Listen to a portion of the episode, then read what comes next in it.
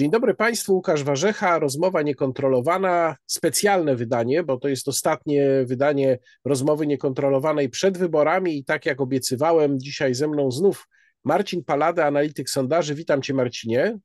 Cześć, dzień dobry. Będziemy po raz ostatni przed wyborami próbowali mm, e, rozeznać się w tym sondażowym gąszczu, ale zaczniemy od sprawy najbardziej aktualnej, od tego, co się dzisiaj wydarzyło. Dzisiaj pojawiła się wiadomość, że do dymisji podali się dwaj najwyżsi polscy wojskowi dowódcy, szef sztabu generalnego i szef dowództwa operacyjnego wojsk. No i chyba trudno to odczytywać inaczej niż jako takie bardzo wyraźne wotum nieufności wobec pana ministra mm, Mariusza Błaszczaka, no ale też poniekąd wobec tej władzy. I zastanawiam się, bo oczywiście nie chcę, żebyśmy tutaj wchodzili w detale czysto polityczne. Chcę, żebyśmy się skupili na tym, jaki to wszystko, o czym będziemy dzisiaj rozmawiali, może mieć wpływ na wynik wyborów. Więc zastanawiam się właśnie, jaki to może mieć wpływ na wynik wyborów, bo przecież jednym z najważniejszych wątków, który również w czasie wczorajszej debaty się pojawiał, o skutkach debaty też jeszcze porozmawiamy, był wątek bezpieczeństwa. I pan premier Morawiecki bardzo tu podkreślał, że tylko PiS jest w stanie zapewnić bezpieczeństwo. No, w zasadzie wszyscy uczestnicy debaty mówili w ten sposób, bo jak mieli niby mówić. Ale dla Prawa i Sprawiedliwości to jest bardzo ważna rzecz. No i dzieje się nagle coś takiego, co może chyba tę narrację podważyć. Czy uważasz, że ta informacja w tym momencie, we wtorek, kilka dni przed ciszą wyborczą, może mieć jakieś znaczenie dla wyniku wyborów? Moim zdaniem, mm, jakby popatrzeć na pierwsze reakcje obozu mm, rządowego, czyli bagatelizowanie, y, a z drugiej strony na reakcję mm, tej twardej opozycji, czyli taka próba mocnego wyeksponowania i, i niemalże sugerowania, że to jest ten wyczekiwany miesiącami czy latami game changer, że w zasadzie to już jest postawienie kropki na D. Jednak mimo wszystko, y, jak przystało na kogoś, kto próbuje trochę symetryzować, pozostanę po środku. To znaczy, to zdarzenie nie wywróci sondażowego stolika, ale jest y, szalenie niebezpieczne, bo tutaj absolutnie podzielam Twój punkt widzenia, że y, Prawo i Sprawiedliwość próbowało ustawić całą kampanię wokół osi tej narracyjnej związanej z bezpieczeństwem. Czyli ono było eksponowane, mm, to słowo, obudowane mm, przez polityków, to było widoczne w ich wypowiedziach, to było widoczne i jest widoczne do dzisiaj w materiałach. Taki też jest główny przekaz y, mediów publicznych, które sprzyjają obozowi y, rządzącemu. Natomiast dla części wyborców, tych wyborców sytuujących się pośrodku, tych niezwiązanych emocjonalnie mocno, tak byśmy to określili, z opozycją, to jest sygnał, że no, nawet jeśli mieliby na ostatniej prostej y, kierować swoje sympatie, część z nich przynajmniej w kierunku obozu rządzącego, no to tutaj pojawia się y, y, pewien znak zapytania, no bo skoro narracja o bezpieczeństwie, to jak tłumaczyć sytuację, w której czołowi dowódcy, absolutnie czołowi dowódcy polskiej armii, no wypowiadają coś w rodzaju dezinteresment, takiego dystansu, odcinają się, że tak powiem, od, od tego, co bym określił mianem neosanacyjnego modelu zarządzania armią i, i, że tak powiem, tym, co jest wokół armii. Myślę, że to ma jednak pewien wymiar symboliczny, niezależnie od tego, jaki będzie wynik wyborów po 15 października, to powinno dawać do myślenia no, przede wszystkim Jarosławowi Kaczyńskiemu, że y, ta neosanacyjność, odwoływanie się do modelu sanacji z lat 30. w wielu dziedzinach życia w ostatnich 4 czy 8 latach y, z całą pewnością y, nie dało sukcesu Prawa i Sprawiedliwości, bo jeśli choćby, choćby, przecież za chwilę wybory, posługiwać się podstawowym wskaźnikiem, no to warto przypomnieć, że poparcie dla Prawa i Sprawiedliwości Zjednoczonej Prawicy sięgnęło niespełna 44% w roku 2019, a teraz w większości sondaży to jest ubytek co najmniej co piątego wyborcy.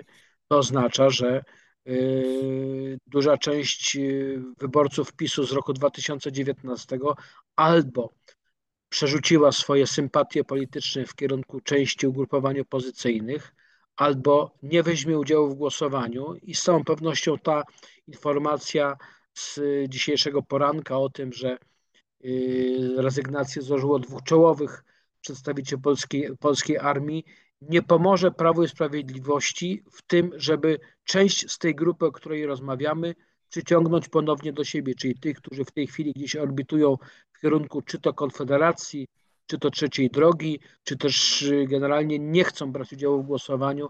Raczej jest mała szansa na to, że PiS na ostatniej prostej, między innymi za sprawą tej informacji, będzie w stanie ich do siebie przyciągnąć. A mam do Ciebie pytanie ogólne.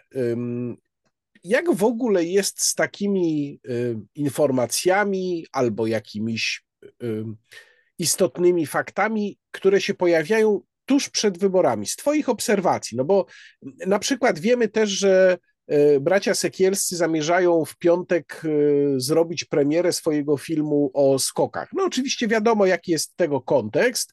Piątek, czyli moment, kiedy już właściwie nie ma czasu na jakąś reakcję wprost związaną z wyborami, no bo e, o północy zaczyna się nieszczęsna cisza wyborcza. To jest w ogóle osobny temat, ale o tym nie będziemy dzisiaj rozmawiali.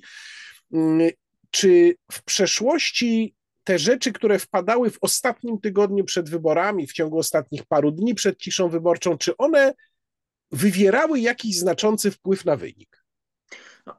W sytuacji, w której jesteśmy na kilka dni przed wyborami, gdzie dosłownie pojedyncze mandaty w okręgach wyborczych wzięto, wzięte częściej przez stronę opozycyjną, czy też częściej przez PiS czy Konfederację, mogą zaważyć na tym, kto będzie dysponował większością po 15 października, to nawet niewielki wpływ, czy to dzisiejszej rezygnacji dwóch czołowych przedstawicieli y, y, polskiej armii, dowódców polskiej armii, czy to film braci Sekielskich w piątek, może mieć absolutnie fundamentalne znaczenie. Znaczy, to nie jest tak, jak się być może znowu spodziewają e, wyborcy e, twardej opozycji, że ten film spowoduje wywrócenie stolika, mijankę na ostatniej prostej i tak dalej, i tak.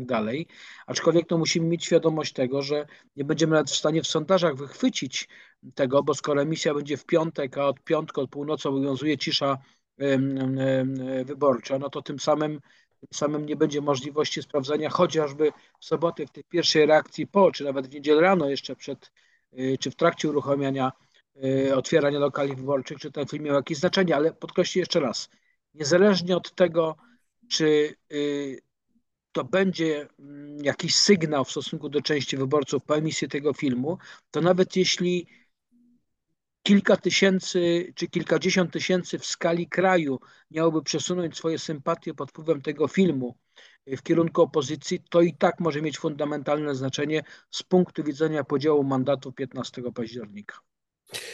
To teraz porozmawiajmy o wczorajszej debacie. Jakie ona może mieć znaczenie? No i również, ponieważ różni eksperci oceniają, jak uczestnicy wypadli, to ja też jestem ciekaw Twojej opinii. Oczywiście mówię, mówię tutaj o tym, co dokładnie rzeczywiście można określić wypadnięciem, wrażeniem, ogólnym wrażeniem. Nie mówię tutaj o ocenie programów, bo to jest zupełnie osobna rzecz, ale wiadomo, że przy takiej okazji mm, no, chodzi właśnie o zrobienie pewnego ogólnego wrażenia. No to ja najpierw, ja najpierw yy, powiem o dwóch zdarzeniach przed i jednym tuż po tej debacie, który pokaże, w jakich dwóch bańkach informacyjnych żyją te dwa obozy polityczne, czy też przedstawiciele tych dwóch, głównych nurtów. Jeszcze kilka dni temu redaktor Dominika Wielewiejska z Gazety Wyborczej pisała, że to jest niemal pewne, że Donald Tusk znokautuje Mateusza Morawieckiego. Uśmiechasz się tak jak ja, widzieliśmy wczorajszą debatę, z całą pewnością Donald Tusk był bardzo słabym ogniwem tej debaty. On nie znokautował nikogo, najwyżej sam siebie. Y, tak, tak. Natomiast druga rzecz to jest y, też absolutnie przekomiczne, że y, debata zakończyła się o godzinie 19.33. Patrzyłem dokładnie na zegarek, po czym za chwilę było dosłownie 30 sekund później rozpoczęcie wiadomości TVP z lekkim opóźnieniem i już na czołówce pan Miłosz Monasterski, taki stały komentator wiadomości, powiedział, że Mateusz Morawiecki wygrał tę debatę 6 do 0. jak patrzyłem, jak patrzyłem na, na to, w jakich warunkach to było nagrywane, ponieważ teraz robi się stosunkowo szybko ciemno, to pewno pana Monasterskiego nagrali gdzieś tam jeszcze przed rozpoczęciem albo po pierwszej fazie pytań, bo nawet z technicznego punktu widzenia wiesz o tym bardzo dobrze. No świat poszedł do przodu, technika poszła do przodu, no ale nie można wysłać setki, która od razu jest wgrana z informacją o tym, że Mateusz Morawiecki wygrał, wygrał 6 do 0. No to pokazuje, proszę Państwa, to, co widzieliśmy na tej debacie. Kryzys dwóch wielkich partii.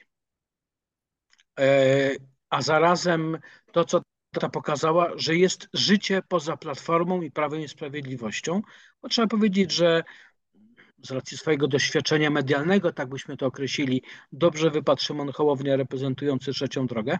Mówię to absolutnie obiektywnie. Y, lepiej niż się spodziewano wypadła pani poseł Szojling-Wielgus reprezentująca Lewicę. Dobrze, y, chociaż tu nie ma zaskoczenia, bo Krzysztof Bosak wypada dobrze w debatach, co między innymi y, udowodnił y, w kampanii prezydenckiej, w debacie prezydenckiej w roku 2020. I dobrze wypadł też reprezentujący bezpartyjnie samorządowców Krzysztof Maj. Czyli można powiedzieć, że przy tym boksie, który obserwowaliśmy między Donaldem Tuskiem a Mateuszem Morawieckim, ta czwórka reprezentująca mniejsze komitety wypadła co najmniej dobrze, a w niektórych przypadkach e, niektórzy z nich wypadli bardzo dobrze. No co pokazuje, że na ostatniej prostej jeszcze trochę może się zmienić w sondażach, jeszcze mogą być jakieś e, przesunięcia, bo dla części wyborców, tych niezdecydowanych, otworzył się świat, którego do tej pory nie mogli znać z głównych przekazów dwóch głównych nurtów, gdzie generalnie istniała Platforma i Prawo i Sprawiedliwość, Natomiast było niewiele miejsca albo nie było miejsca dla pozostałych uczestników gry o to, jaka będzie Polska po 15 października, a przecież w przypadku tych pozostałych to nie jest mały kawałek, bo to jest co trzeci wyborca, który poszukuje alternatywy wobec Platformy i PiSu. Jestem gotów mm, pójść w takim kierunku myślenia, że gdyby kampania trwała jeszcze tydzień albo dwa tygodnie dłużej, i gdyby było więcej tego typu debat w mediach, to procentowy udział, jeśli chodzi o poparcie dla dwóch głównych partii, czyli Koalicji Obywatelskiej i Prawa i Sprawiedliwości, w wyborach finalnie byłby mniejszy, niższy niż ma to miejsce obecnie. A gdyby spojrzeć na to, jakie mogą być te ruchy, pewnie nieduże, ale jakieś mogą być w wyniku tej debaty, to co byś tutaj prognozował, jeżeli chodzi o to, komu może troszkę przybyć, komu może troszkę odejść? Znowu, znowu odwołajmy się do tego, co widzieliśmy wczoraj w mediach, a szczególnie w mediach społecznościowych, komentatorów, którzy już widzieli te przesunięcia gigantyczne, że tym wzrośnie 3, tym spadnie 3, bo ten powiedział to, ten powiedział to. Nie, Moim zdaniem jakichś większych przesunięć pod wpływem debaty nie będzie. Tu też jestem daleki od tego, żeby, żeby, żeby wykazywać, że ona będzie miała fundamentalne znaczenie na ostatniej prostej. Ona będzie miała jakieś tam pośrednie znaczenie dla tych, którzy y, jeszcze nie są do końca pewni swojego wyboru albo w ogóle jeszcze nie dokonali wyboru. Dla nich między innymi była ta debata, żeby zbliżyć ich do tego momentu, kiedy są w stanie bardziej precyzyjnie wskazać, na które ugrupowanie będą głosować, ale to nie jest y, fundamentalne rozstrzygnięcie. Natomiast, natomiast tak jak mówiłem w przypadku, w przypadku y, dwóch dowódców polskiej armii, tych głównych, ta debata, nawet gdyby w wyniku tej debaty miało dojść do jakiegoś przesunięcia niewielkiego, ale przesunięcie nawet na poziomie okręgu wyborczego o kilkaset czy kilka tysięcy głosów, to ma absolutnie fundamentalne znaczenie dla tego rozdania po 15 października, dlatego że mamy świadomość, że, że w tej chwili jest więcej pół na pół, jeśli chodzi o, o mandaty. Nieco bliżej nieco bliżej y, tego poziomu 231 mandatów jest ta trójczłonowa koalicja, koalicja obywatelskiej, lewicy i trzeciej drogi. No i gdyby pod wpływem debaty, kilku jeszcze innych impulsów, które będą na ostatniej prostej, te przesunięcia były na poziomie okręgu wyborczego, okręgu wyborczych o kilkaset mandatów, no to z całą pewnością będziemy wtedy bliżej, y, zaraz po wyświetleniu się exit poll 15 października o 21 będziemy bliżej odpowiedzi na pytanie, która ze stron będzie dysponowała większością, jeśli którakolwiek ze stron taką większość będzie posiadała. Mówisz tutaj już któryś raz o podziale mandatów w okręgach i zresztą to nie jest chyba dla naszych widzów zaskoczenie, bo wielokrotnie przypominaliśmy, że to ma y, kluczowe znaczenie w wyniku wyborów.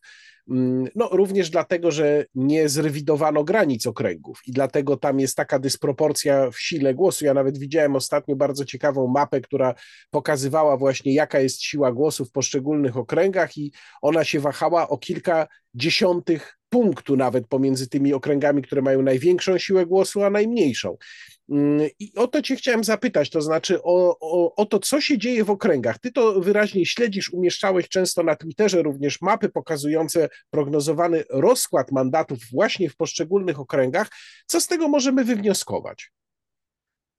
Możemy przede wszystkim wywnioskować to, że mamy już okręgi, które są z całą pewnością przypisane do strony opozycyjnej, tam gdzie Koalicja Obywatelska zwycięży z Prawem i Sprawiedliwością. To jest ten pas przede wszystkim Polski y, północno-zachodniej, ale także w południowo-zachodniej części okręg wyborczy y, Wrocław. Mamy też y, na Śląsku ten pas północny, czyli okręg Gliwice, Katowice, i w pewnie Sosnowiec, gdzie w tym ostatnim okręgu lekką przewagę będzie miała Koalicja Obywatelska, dwóch pozostałych, czyli w okręgu Katowice i Gliwice, y, zwyciężyć powinna bardziej wyraźnie Koalicja Obywatelska nad Prawem i Sprawiedliwością. Mamy ten cały pas, y, nazwijmy to pomorski, czyli okręg Gdynia-Gdańsk, gdzie tutaj przewaga szczególnie w okręgu gdańskim będzie bardzo wyraźna.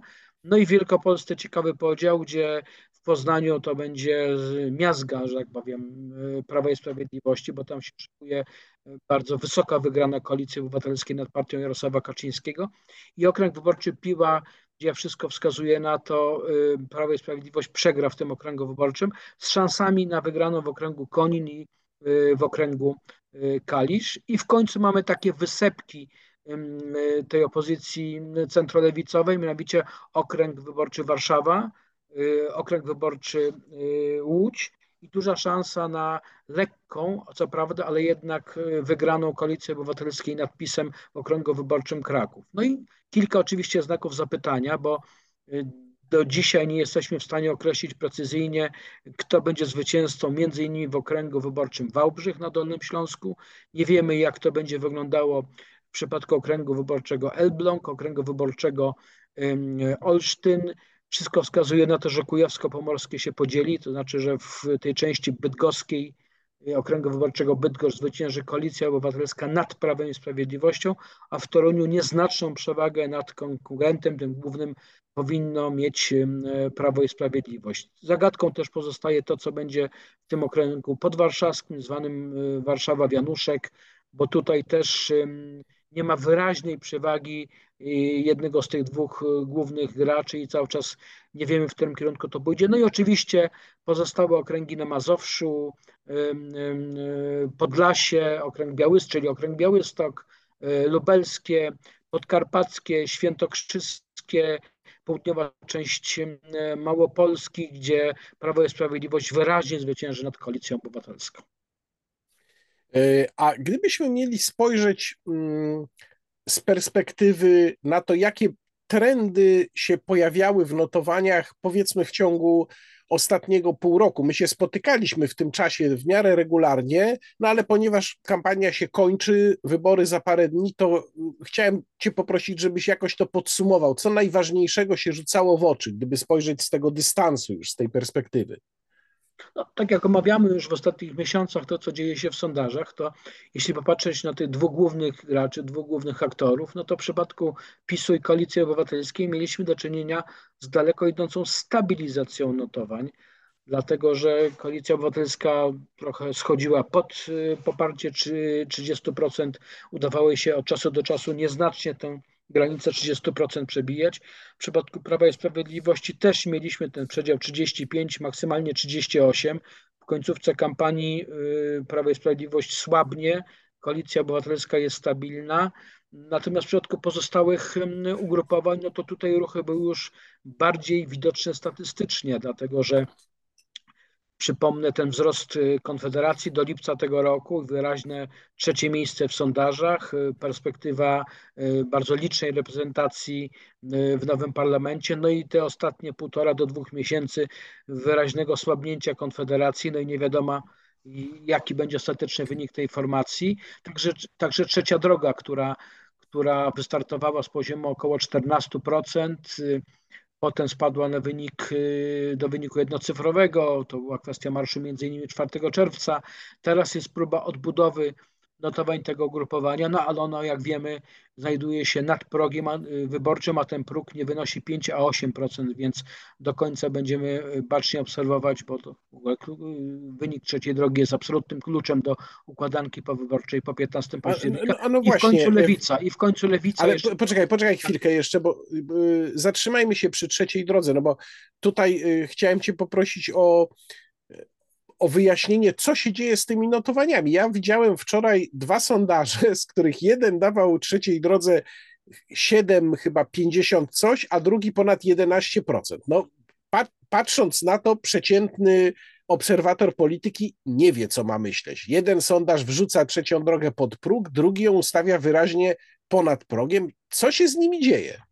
No to są dwa sondaże, dwiema różnymi technikami wykonane w tym samym czasie z taką rozbieżnością. Tak, jeden był chyba Polster, a drugi Ibris, jeżeli dobrze tak, pamiętam. Dlatego ja zalecam, żeby podchodzić bardzo ostrożnie do tych pojedynczych pomiarów, bo y, lepiej to zliczać. Robić to, co ja też w ostatnim czasie zaserwowałem na Twitterze, czyli, czyli pokazuję przedziały poparcia, ale też stosując ten system FIS ze skoków narciarskich, czyli eliminujemy te skrajne wskazania, dzięki czemu jesteśmy w stanie ten przedział poparcia, ten przedział poparcia e, zawęzić, a co za tym idzie, te różnice wtedy już nie są tak znaczące i być może to nas będzie przybliżało do tego, jaki będzie wynik głosowania 15 e, października. Dokończę jeszcze tylko tą, tą wyliczankę, którą, którą e, zacząłem przed chwilą. Mianowicie jeszcze Lewica która, której notowania też nieco ewoluowały w ostatnim czasie. To, co widzimy w ostatnich dniach i tygodniach, to jest lekkie umacnianie się tej formacji. No jeśli nałożymy na to to, co mówiłem przed chwilą, czyli w miarę stabilną sytuację w przedziale 9, 11, 8, 11 trzeciej drogi i po spadku Konfederacji, która też mniej więcej pozostaje w tym samym przedziale, z całą pewnością nie wiemy na te cztery dni przed głosowaniem, pięć dni przed głosowaniem, kto będzie trzeci na podium, dlatego że różnice w oparciu między tymi trzema formacjami są tak niewielkie, że w zasadzie to może być Konfederacja, to może być równocześnie Trzecia Droga, a to równocześnie może być Lewica. Więc jeśli nic się nie wydarzy na ostatniej prostej, jeśli nie pokażą tego sondaże te do z możliwością publikowania do piątku, no to prawdopodobnie będziemy z tą zagadką, jedną z największych, jeśli chodzi o wynik głosowania, yy, pozostawać właśnie do przynajmniej do 21 yy, w niedzielę, czyli do sondaży Exit Pool, a jeśli ta różnica w wyniku pokazania symulacji w, w sondażu Exit Poll Ipsosu dla telewizji będzie też niewielka, no to trzeba będzie, nie pozostanie nic innego, czekać na oficjalne ogłoszenie wyników głosowania. A czy uważasz, że Konfederacji, Konfederacja może jeszcze odrobić trochę swoich strat i wyjść z wynikiem powyżej 10%? No to cały czas jest sytuacja otwarta, dlatego że y, te pojedyncze sondaże pokazują, że tak jak mówiłem, wszystkie te trzy ugrupowania gdzieś się plasują w okolicach 10%. Y, problemem Konfederacji jest to, czy ona y, zmobilizuje na ostatniej prostej swoich wyborców głównie ludzi młodych, czyli z tego najmniejszego segmentu. Y, tu jest pewien problem. Jeśli ta mobilizacja będzie, to wtedy pewnie trzeba by się spodziewać wyniku na poziomie około 10%. Jeśli będą kłopoty z mobilizacją tego segmentu wyborców, no to wtedy wynik będzie wyższy niż w roku 2019, ale to by wtedy oznaczało także, że to będzie wynik jedno, a nie dwucyfrowy. A jakie mm, znaczenie mógł mieć niedzielny y, Marsz Miliona Serc? Myśmy o tym marszu też rozmawiali w jednym z poprzednich programów i wtedy zastanawialiśmy się, co będzie, jeżeli tego miliona ludzi się nie uda zebrać. No raczej się zebrać miliona nie udało, ale też nie było to 100 tysięcy, pewnie gdzieś pomiędzy, czyli nie wiem, no, ja, ja, nie widziałem żadnych miarodajnych szacunków, dlatego zakładam jakimś krakowskim targiem, że może było z pół miliona ludzi. Mm, ale zastanawiam się właśnie, jaki to y, może mieć wpływ, jeżeli w ogóle jakiś, bo może po prostu to jest wszystko już tak zabetonowane, jeżeli chodzi o te dwa główne ugrupowania, że w zasadzie nie ma wpływu. Jeśli chodzi o zabetonowanie między dwoma głównymi, to z całą pewnością tak. Natomiast tutaj toczy się walka o to, jak rozłoży się poparcie, jeśli chodzi o pozycję centrolewicową, bo to ma fundamentalne znaczenie. No, absolutnie y, Donald Tusk nie może marzyć o byciu premierem w sytuacji, w której trzecia droga miałaby zejść pod próg wyborczy, dlatego że mandatowo nie będzie w stanie z lewicą zebrać się na te 230 jeden. Stąd y, ja widzę różnicę między tym, w jaki sposób Koalicja Obywatelska, y, organizator tego Marszu Miliona Serc, y, podeszła właśnie do tej inicjatywy, do tego przedsięwzięcia w stosunku do tego, co było 4 czerwca. 4 czerwca to był jeszcze okres Y, pozostawania w amoku Kościoła jednej listy, tak byśmy to określili przez kierownictwo Koalicji Obywatelskiej, Kościoła jednej listy z siedzibą przy ulicy Czerskiej, w redakcji Gazety Wyborczej, y, gdzie od miesięcy namawiano Donalda Tuska, żeby grać ostro na polaryzację, nie przejmować się mniejszymi partnerami i tak część wyborców ostatecznie wskaże na Koalicję Obywatelską. I oto kilka tygodni temu, tak jakby ktoś wyjął y, z gniazdka wtyczkę, a szczególnie tuż przed samym marszem i na samym marszu te akcenty, nazwijmy to propolaryzacyjne, w ogóle zanikły, nie miały miejsca. Dodatkowo jeszcze na scenie pojawił się e, lider lewicy Włodzimierz Czarzasty, e, który no, na równi z Rafałem Trzaskowskim czy Donaldem Tuskiem dał, dostał możliwość przemawiania do zarówno tych, którzy byli uczestnikami tego marszu, jak i tych, którzy obserwowali to, co się dzieje za pośrednictwem e, mediów. To by też świadczyło o tym, że w kierownictwie Koalicji Obywatelskiej uświadomiono sobie, że ta gra właśnie na polaryzację do niczego dobrego nie będzie e, prowadziła. Trzecia droga wybrała jej liderzy wariant taki, że nie uczestniczą w marszu, robią swoją kampanię, co też zostało ze sceny przez Donalda Tuska zauważone i uwaga, pochwalone, więc można powiedzieć tak, że, że o ile e, efektem 4 czerwca było wtedy wzmocnienie koalicji obywatelskiej kosztem dwóch pozostałych mniejszych ugrupowań, a w ujęciu mandatowym zysk dla PiSu i Konfederacji, głównie dla PiSu i Konfederacji, no to teraz w końcówce tej kampanii wyborczej, jeśli koalicja obywatelska się nie wzmocni, dając trochę oddechu yy, przy zmianie tego stanowiska, o czym mówimy w stosunku do do pozostałych ugrupowań, w tym głównie trzeciej drogi, jeśli to pozwoli nieco wzmocnić się trzeciej drodze, oddalić od progu 8%, no to wtedy będziemy świadkami sytuacji, że te 200 dwadzieścia kilka mandatów na dzisiaj jest możliwych dla y, tego trójczłonowego bloku. No i oczywiście pytanie, czy na ostatniej prostej jeszcze y, te trzy formacje opozycyjne zdołają na tyle zmobilizować swoich sympatyków, trafić do części niezdecydowanych, żeby przełamać tę barierę 231 mandatów. Właściwie częściowo um, odpowiedziałeś już na moje pytanie o, mówiąc o kościele jednej listy, mm, bo ja sobie tak myślałem właśnie w kontekście tego, co się dzieje teraz w sondażach i jak Donald Tusk zmienił swoje podejście do trzeciej drogi, jak bardzo bezsensowny był ten nacisk na jedną listę, no przynajmniej tak mi się wydaje i chciałem cię zapytać, jak ty to oceniasz y, z perspektywy tych paru miesięcy? No to, to się wydawało wręcz jakieś takie y, dogmatyczne podejście, ignorujące rzeczywistość. No ale y, y, Łukasz przyzna, że w przypadku środowiska Gazety Wyborczej y, to, to ten dogmatyzm jest szczególnie obecny w ostatnich ośmiu latach. W imię walki z PiSem oni są gotowi zawrzeć, że tak powiem, pakt nawet z diabłem, bez wcześniejszego przemyślenia konsekwencji tego działania. Przecież jeszcze kilkanaście tygodni temu karceni byli liderzy trzeciej drogi, czy czy lewicy nie tylko przez polityków koalicji obywatelskiej, ale przede wszystkim przez to całe zaplecze medialne, głównie w social mediach, tak zwany silnych razem, tak, co bardzo odczuli właśnie liderzy jednej i drugiej tej mniejszej formacji.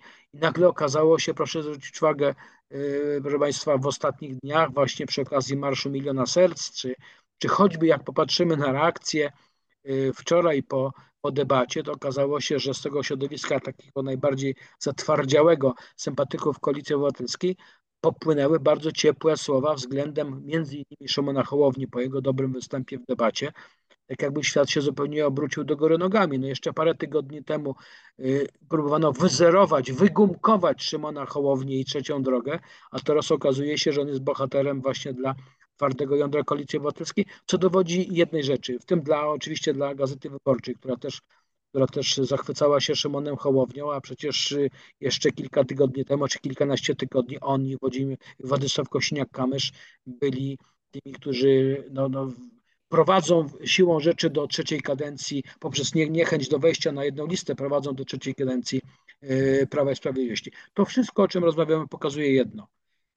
Ci wszyscy funkcjonujący w tej bańce informacyjnej, politycy, publicyści, media, socjologowie, politolodzy, na razie zajmijmy się tą bańką e, po stronie opozycji, tą, tą liberalną, e, podchodzą niezwykle emocjonalnie do tych pojedynczych zdarzeń, ale też do, do, do oceny całości. I tam bardzo często mamy do czynienia z sytuacją nieracjonalnego myślenia, nieracjonalnego działania. No właśnie dlatego, że tam nie ma oponentów, którzy mogliby wejść, mieć możliwość uzasadnienia, dlaczego wizja y, jest taka, a nie inna i dlaczego ona, czy nie może się udać, z jakich powodów może się nie udać. Każdy, kto tam jest krytyczny wobec tej, tej linii takiej y, twardogłowej, jest, czy był do tej pory przynajmniej sekowany i traktowany jako, jako, jako agentura Prawa i Sprawiedliwości. Ale, ale żeby mieć świadomość, to jest sytuacja z tej bańki liberalnej, ale przecież mamy dokładnie taką samą sytuację, jeśli chodzi o bańkę informacyjną obozu rządowego. Tam także ktokolwiek ośmiela się krytykować strategię Prawa i Sprawiedliwości, ośmiela się krytykować to czy inne posunięcie y, rządzących, jest od razu traktowany jako agent Donalda Tuska. Tam także nie ma miejsca na dialog, tam także nie ma miejsca na racjonalne, rozsądne myślenie. Tam jest zapatrzenie tylko w to, żeby walić w Tuska, tak jak Platforma Obywatelska w 2015 roku waliła w Kaczyńskiego. Jak skończyła Platforma Obywatelska w roku 2015 te wybory prezydenckie i parlamentarne, to wiemy. Prawo i Sprawiedliwość jest na dobrej drodze, żeby być tam, gdzie była Platforma po wyborach w roku 2015. Właśnie przez to, że to, co wyróżniało PiS w roku 19 czy w 15, że oni nie funkcjonowali w tej bańce. Byli przez długie lata, będąc w opozycji, ale potrafili po 2014 roku z tej bańki wyjść, sięgnąć, rozmawiać także z normalsami, z wyborcami środka. Tę umiejętność jeszcze posiadali w roku 2019, natomiast teraz absolutnie nie przychodzi im do głowy, żeby można było rozmawiać z kimkolwiek innym niż twardy elektorat. Chciałem Cię zapytać o mm, drugą część tego głosowania, o której my rzadko mówimy, kwestię referendum. Czy jest szansa na to, Twoim zdaniem, czy w ogóle mamy sondaże, które to pokazują, y, żeby referendum okazało się wiążące, czyli żeby zagłosowało ponad 50% uprawnionych? Moim zdaniem to jest bardzo niewielka szansa. Wszystkie sondaże, które były w ostatnim czasie, pokazywały, że poza elektoratem Prawa Sprawiedliwości, które, jak mówiliśmy już w naszym programie, delikatnie się kurczy. Więc cały czas od, y, odsetek tych, którzy na dzisiaj deklarują, że zagłosują na PiS jest niższy niż jeszcze tydzień, dwa czy trzy tygodnie temu. Jeśli dodać nawet do tego, że w referendum y, wziął, wziąłby udział, wzięliby udział także po części sympatycy trzeciej drogi, Mam tu na myśli bardziej tę PSL-owską odnogę niż tą związaną z Szymonem Hołownią.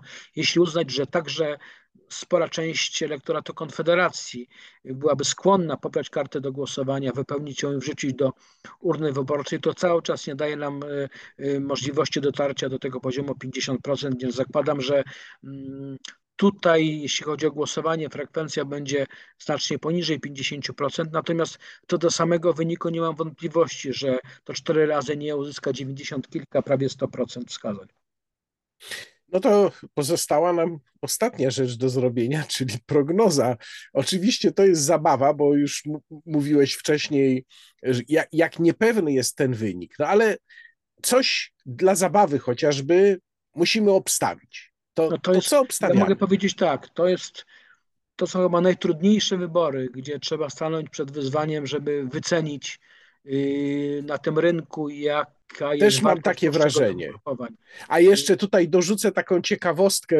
Widzowie być może nie wiedzą, ale czasem wśród dziennikarzy przed wyborami chodziły takie y, zakłady. Y, obstawiało się, kto y, ile zdobędzie procent, nie mandatów, ale procent. No i tam kto był najbliżej, to coś tam wygrywał. Tu nie będę mówił, bo być może to jest nielegalne z punktu widzenia restrykcyjnego polskiego prawa, ale były wygrane.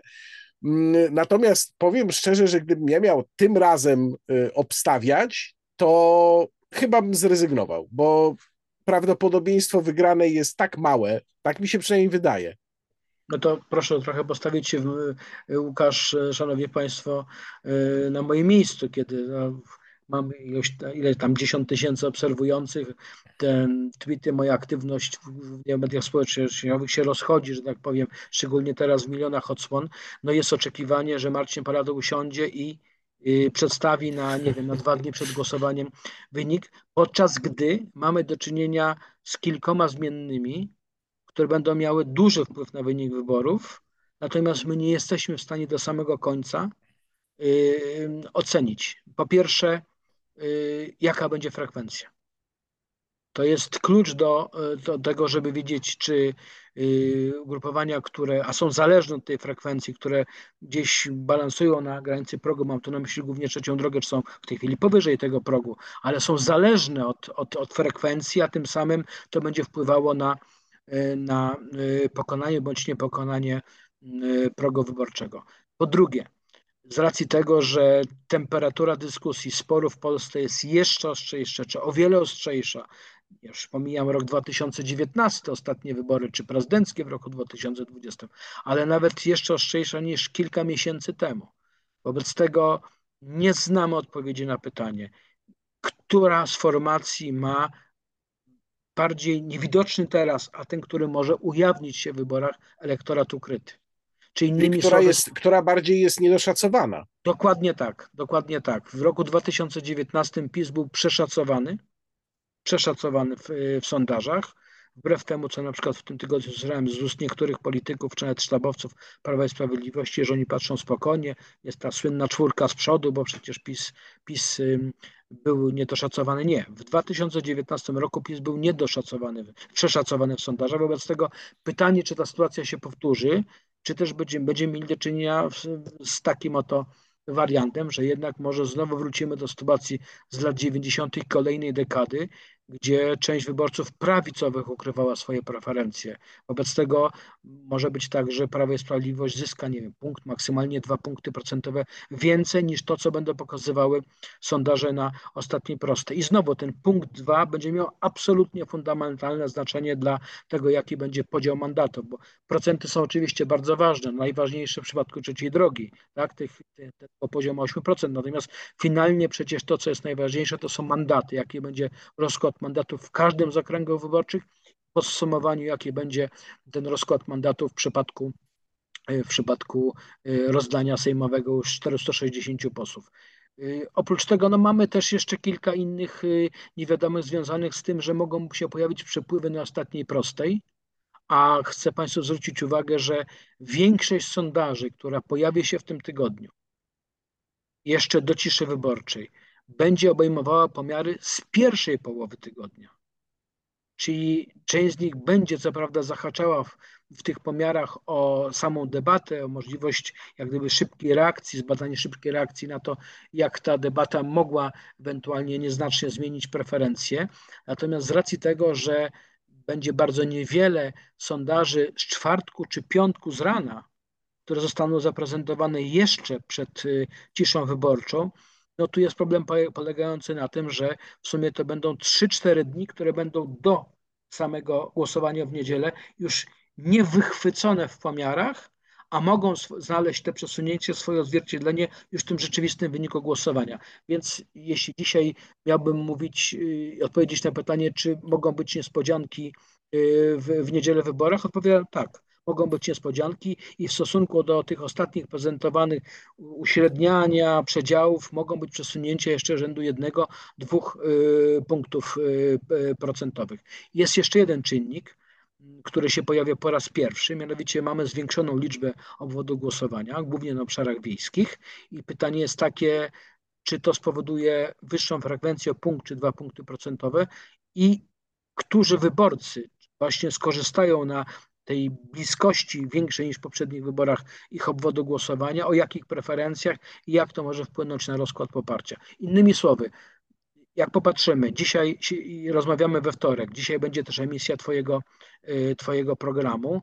Jeśli y, patrzeć na te sondaże, które są do wczorajszego wieczora, to ten przedział poparcia dla Prawa i Sprawiedliwości gdzieś kształtuje się między 34,5 a 30, maksymalnie 7%. To już uwzględniam przy tej górnej granicy ewentualnie to, o czym rozmawialiśmy, czyli ten elektorat ukryty, czyli mniej więcej w tym przedziale na dzisiaj, gdybyśmy mieli y, szacować wynik wyborczy, powinno zamknąć się poparcie dla Prawa i Sprawiedliwości. Koalicja Obywatelska gdzieś jest w granicach między 29 a 31,5%. Tak, te dwa punkty procentowe bym w tym przedziale podał i gdzieś pewno to poparcie powinno się zamknąć powyżej 30, może dotrzeć do 31%. No i dalej jest ta niewiadoma, kogo wskażemy na miejscu trzecim. Y, jeśli to miało być tak, że mm, na ostatniej prostej uda się trzeciej drodze przezwyciężyć ten problem y, progu 8% i wyraźnie wspiąć się na na poziom 9,5, 10, 10,5, a może nawet 11%, no to to jest wynik realny dla tej formacji. Zresztą to jest największa niewiadoma tych wyborów, bo my nie wiemy do końca, czy to będzie bliżej progu 8%, czy to będzie naprawdę solidny wynik na poziomie 10, 11, może 11,5%, który dawałby bardzo solidną reprezentację, no i który też powodowałby, że że ten duopol popisu po następnych wyborach na pewno byłby y, mniejszy niż to miało miejsce choćby w kadencji 19-23. Y, Potem jest y, lewica, która się lekko umacnia w sondażach. Jeśli to jest taki trend i uda się go utrzymać do samych wyborów, to też, to też oznacza, że wynik może być być może gorszy niż te ponad 12% w wyborach w roku 2019, ale lewica ostatecznie może skończyć na wyniku dwucyfrowym.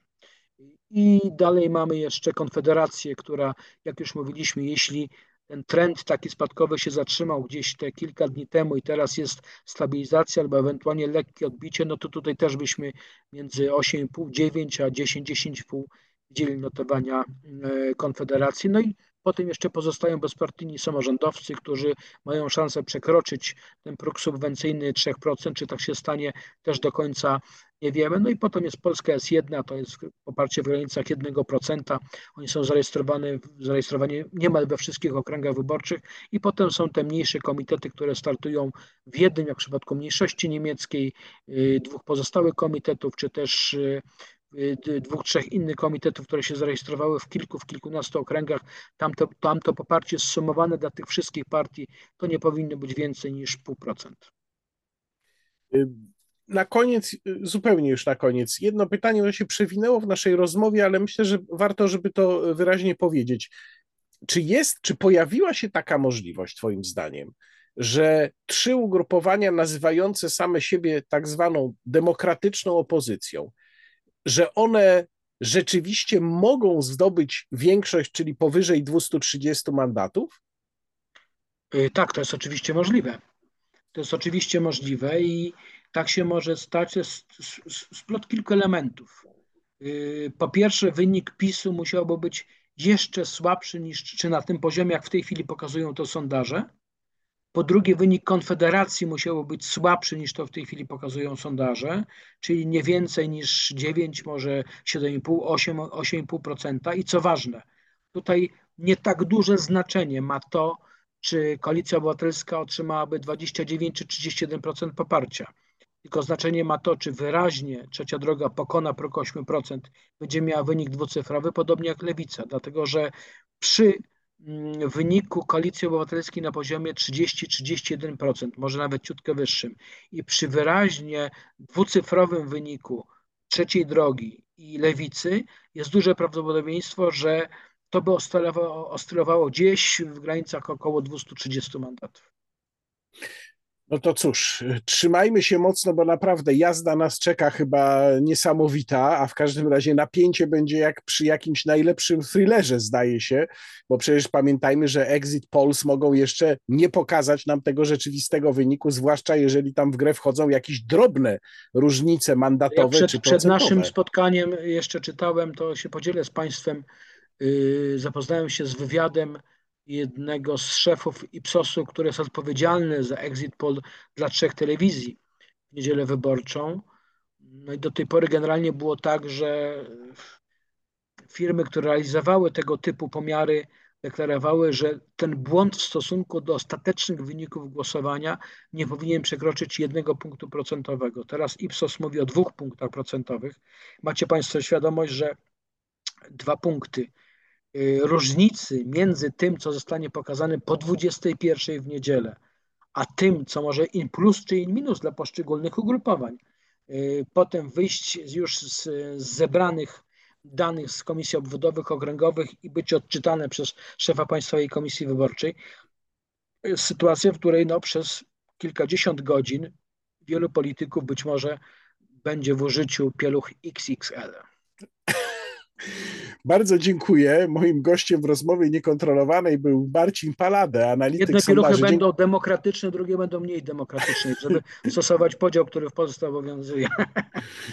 Dziękuję Ci bardzo, Marcinie. Dziękuję. A to była rozmowa niekontrolowana. Łukasz Warzecha, kłaniam się Państwu i do zobaczenia.